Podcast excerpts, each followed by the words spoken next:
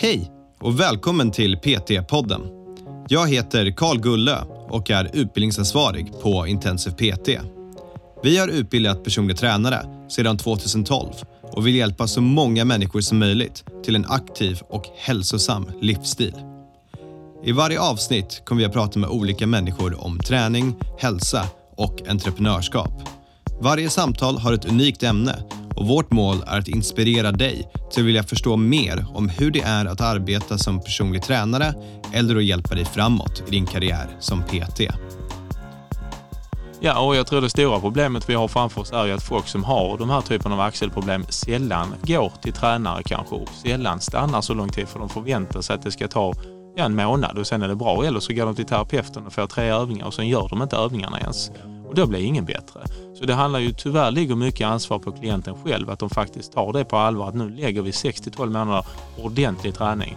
Och ser vi ingen förbättring efter de månaderna, klart man ska gå vidare med det till någon instans där man kanske tittar på primärvården och så. Men innan dess tycker jag absolut inte man ska göra det.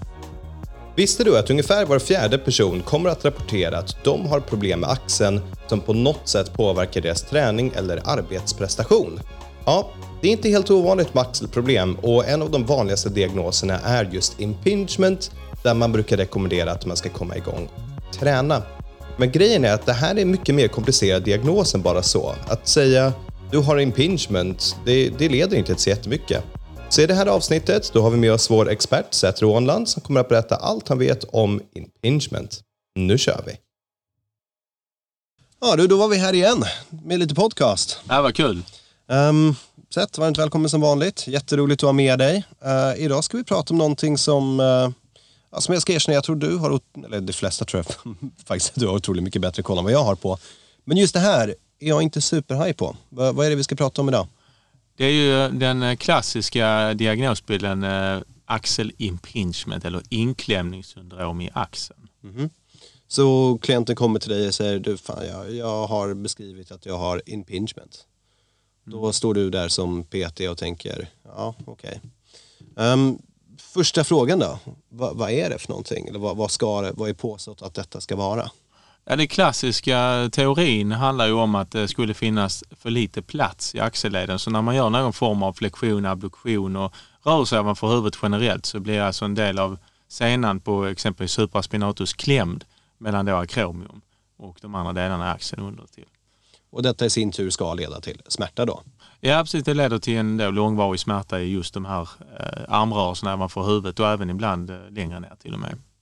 Men det här verkar inte riktigt stämma? Nej, det, alltså hela den här teorin bakom det här artar sig egentligen att det fanns en ortoped som, som hade denna teorin i sitt huvud och eh, folk kommer in och har ont i axeln. Och I och med att man ska veta då att man kan ju faktiskt göra operationer utan att göra tusen eh, tester på det först utan man kan inte ens sätta igång och göra en operation som man har goda teorier för.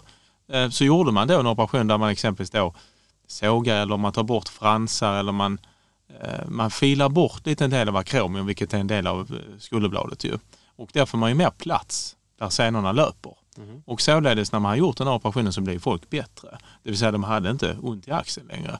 Och sen fortsatte det här bara bli en stor grej att har man eh, den här typen av smärta, oftast är abluktion, eh, så, så är det då klassat som impingement och det innebär att det är för lite plats i axelleden. Det kan man då få bort med hjälp av att göra en förändring på akromium som är eh, operation då. Okej, okay, så det, det liksom gick det hållet. Man såg att vi har några operationer och det verkar funka och sen har en klient som säger ont i axeln, då säger vi att det är impingement. Men det låter ju rimligen som en okej okay teori. Ja men det tycker jag också och visst eh, finns det olika anatomiska variationer när det gäller just vinklar på akromium och plats i axelleden och så. Men problemet som har uppstått nu i efterhand när man gjort lite andra studier, exempelvis KärM-studier då, Eh, så har man ju opererat en del av de här patienterna medan den andra har fått en kärmoperation, det vill säga man skär upp en liten bit bara, syr igen, gör ingen riktig operation och en annan grupp har bara fått träning. Segt att få en sån. Alltså, jag...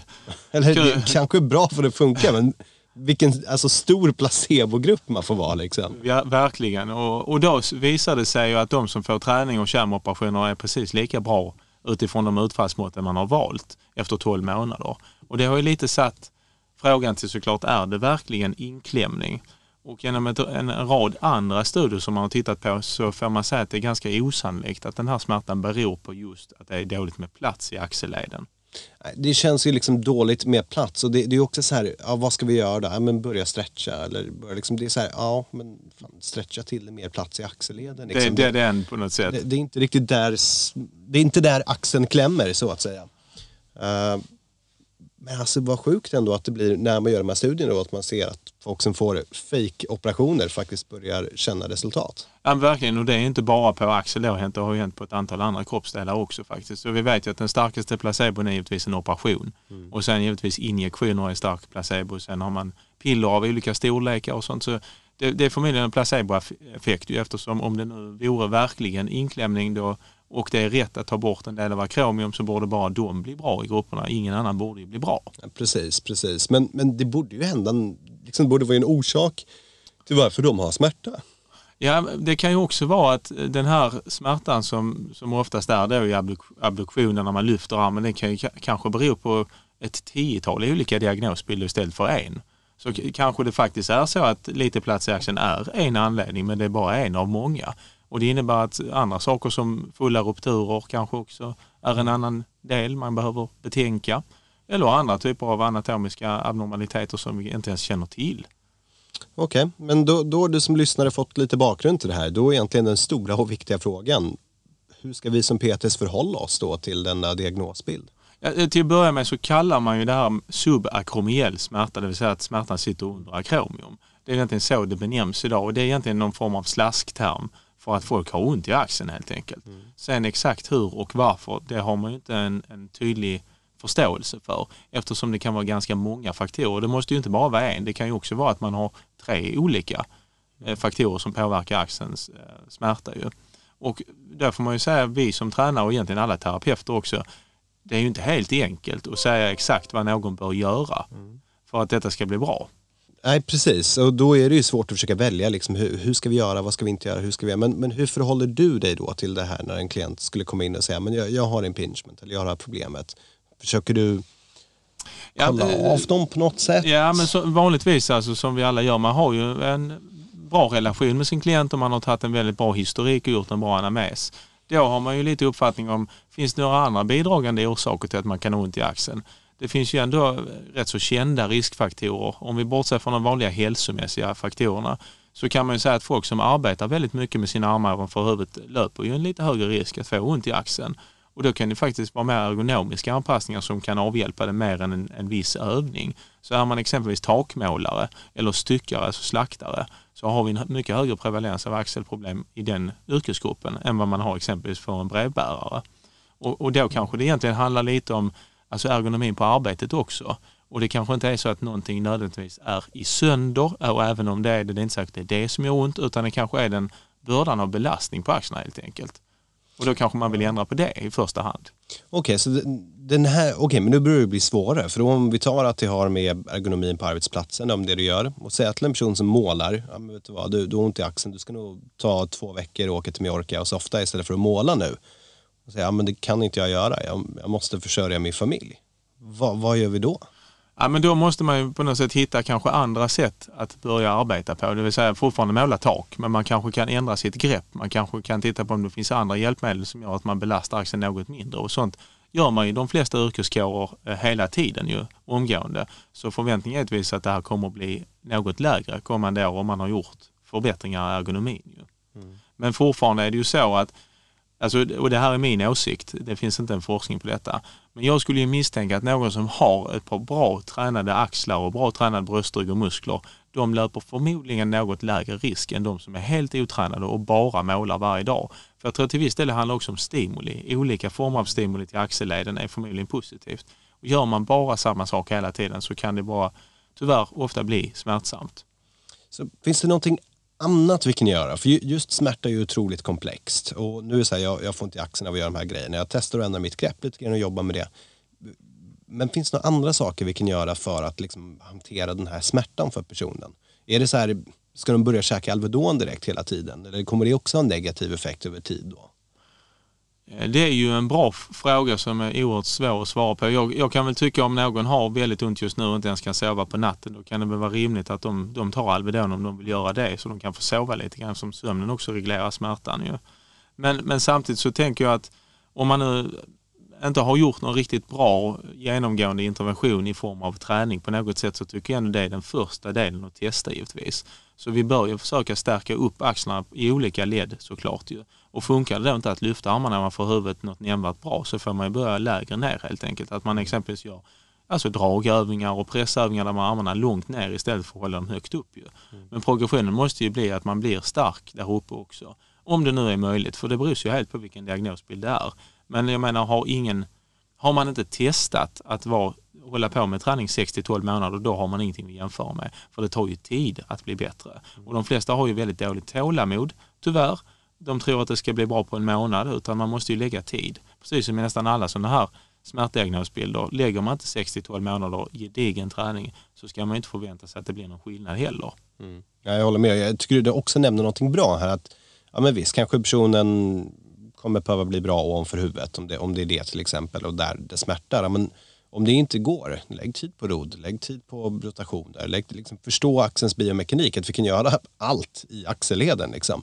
Så börja titta på de andra olika rörelserna och de som funkar och börja bygga in dem istället. Ja, och jag tror det stora problemet vi har framför oss är ju att folk som har de här typen av axelproblem sällan går till tränare kanske och sällan stannar så lång tid för de förväntar sig att det ska ta ja, en månad och sen är det bra. Eller så går de till terapeuten och får tre övningar och sen gör de inte övningarna ens. Ja. Och då blir ingen bättre. Så det handlar ju, tyvärr ligger mycket ansvar på klienten själv att de faktiskt tar det på allvar att nu lägger vi 6-12 månader ordentlig träning. Och ser vi ingen förbättring efter de månaderna, klart man ska gå vidare med det till någon instans där man kanske tittar på primärvården och så. Men innan dess tycker jag absolut inte man ska göra det. Ja, nej, jag har liksom, en av de vanliga tipsen för folk som behöver få lite tid till det här, det är enkla grejer, folk som man vet om de kommer inte göra det. Det är att ha ett gummiband eller liknande vid ditt skrivbord. Och varje gång du pratar i telefon med någon eller någonting, om du har ett sånt jobb, ta det gummibandet och lek runt med det lite grann bara. Dra det åt lite olika håll. Det är liksom bara ett sätt att aktivera och röra på dig för att göra så enkelt för dig som möjligt. Och vi har ju sett det nu med i synnerhet då eh, nack, ospecifik nacksmärtaforskningen att om folk bara som sitter på kontoret går upp en gång var 30 minut och gör två, tre övningar som tar några minuter och sätter sig igen så kan man minska smärtan i, i nacken ganska mycket i en, i en sån population. Ju. Och det skulle kanske kunna vara liknande för axeln, det vet vi inte, vi har inte testat det ju. Utan det, det är ju sådana saker man får titta in på och se, kan min klient ha den tillgivenheten att de kan faktiskt gå ifrån och göra lite andra typer av rörelser under, under arbetsdagen. Mm. Det kanske hade hjälpt, det vet vi ju inte, men det är värt att testa ju. Mm. Skulle du säga den här um, liksom subakromiella smärtan, att den är mer, eller visar sig mer hos människor som har sådana typer av arbeten som att måla eller snicka? Eller ser vi det här hos folk som sitter vid skrivbordet hela dagen också? Ja, det finns ju högre prevalens hos de som har ett högt belastande arbete för axelled ovanför huvudet. Det är en sak som är säkert. Men eh, sen kan jag inte säga att jag känner till om en kontorsarbetare har mer än en människa som som sagt inte jobbar som kontorsarbetare. Men jag tror vi alla träffar människor i alla möjliga yrkesgrupper och sen är det ju många idrottare också. Crossfit är ju ganska vanligt med axelproblem och det beror ju inte på att för på att de har sämre axlar än någon annan. Kanske för att de gör väldigt mycket övningar ovanför huvudet och kanske ibland i för hög dos bara. Mm. Ja, precis, precis. Så det låter som att mycket här går tillbaka istället för att som man kanske tänkte förut att det var väldigt mikro. Det var ja. du har inte plats i axeln. Eller skulderbladet rör sig fel eller det är den här muskeln är inte aktiverad. Eller jag menar det räcker med att du lyfter din arm 10 cm och alla muskler i rotatorkuffen är aktiverade. Ja, så, så istället för att gå in på det där liksom supermikro superspecifikt så börjar vi lyfta upp det till mer makro, mer allmänna rörelsemönster, mer vardagen, mer vad kan vi få in vanligtvis. Det kanske inte handlar om just exakt den här övningen som du ska göra på gymmet utan det handlar mer om hur för du ditt liv? Hur, hur ligger du och sover? Hur går du? Hur rör du på dig? Hur läs, liksom alla de här grejerna, hur gör du det? Att det är kanske är en större på, eller kanske inte större, men att det har en effekt som vi behöver prata om. Det har en signifikant effekt och jag menar det, det, det har blivit precis som du säger, vi går ifrån det här väldigt komplexa biomekaniska tänket till det mer makroperspektivet som du säger, eller fågelperspektivet. Vi måste titta på fler saker. Och en specifik övning liksom är inte bättre än en generell övning. Och, och, ibland känns det som att vi tränare, liksom, om man nu har gått lite olika utbildningar, måste göra någon superavancerad axelövning för att någon ska kunna bli bra och så är, är inte forskningsläget i varje fall. Utan man kan välja fritt på alla de vanliga övningarna vi gör. Tycker man exempelvis lateral races är en bra övning för axeln, det kan man också göra. Men man kan göra lite mindre rörelseomfång, kanske en annan hastighet med en annan typ av belastning. Det finns ju tusen sätt att ändra övningar på. Och när vi står där med vår klient eller patient så handlar det om att hitta övningar som de tycker känns okej okay att arbeta med. Ju. Mm. Så ni som lyssnar på det här, ni, ni vet ju att eh, vi främjar kunskap så vi kommer ju självklart lyfta upp den här eh, evidensbaserad praktik eh, axelutbildningen som finns som man kan läsa.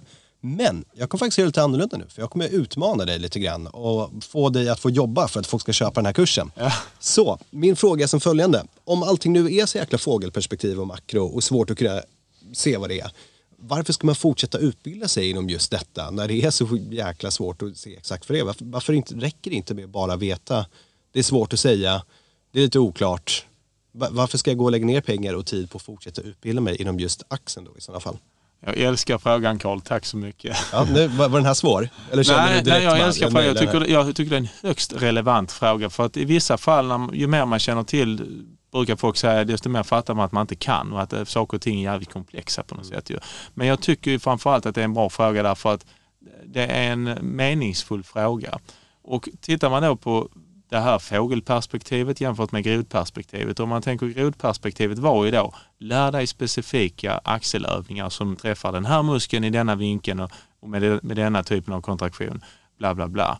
När vi nu istället säger titta på fågelperspektivet, ja men fågelperspektivet involverar oerhört många fler faktorer som vi helt har missat. Det vill säga de psykosociala faktorerna, hur man resonerar med klienten, hur man visar en empatisk sida. Och de här är ju prognostiska faktorer för att någon ska bli bra. Och de, de har man inte om man inte exponeras för det. Man kanske har vissa saker personlighetsmässigt, att man har hög empati för en människa.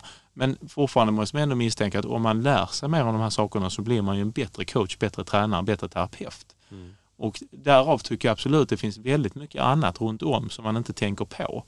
Och det är de sakerna ja. vi lägger fokus på. Ja, och det där kan jag faktiskt säga, för jag har ju såklart gått den här utbildningen. Ehm, jag, jag går allt som jag rekommenderar för någon. Och jag var först förvånad och sen imponerad över hur mycket det var som inte var relaterat till just axelsmärta och axeln i den här kursen. Jag var så här, men vart är axeln då? Och sen så började allting vevas ihop. Okej, okej, okay, okay, jag fattar grejen. Liksom. Det, det var ett bra upplägg på det. Så jag tycker verkligen det var ett intressant sätt att göra det på.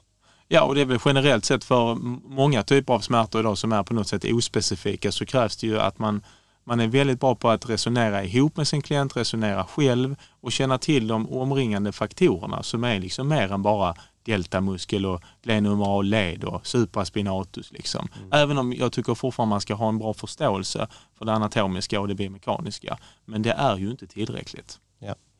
ja, väldigt spännande. Vart hittar folk den här kursen om de vill gå den? Den hittar man ju på evidensbaseradpraktik.com och där väljer man att boka utbildning och så hittar vi då EBP Access som är helt online. Ja, underbart. Och jag kommer såklart länka till den här i show notesen, även om jag har fått veta att folk inte vet vart show notesen är. Det finns länkat någonstans. Gå och leta, ni kommer hitta det. Eh, lycka till allihopa, kör hårt!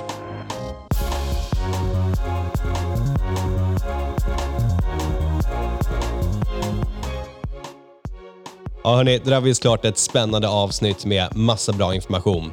Eh, vi på Intensiv PT har ju samarbete här med evidensbaserad praktik som gör att du får 20% rabatt om du går Intensiv PT.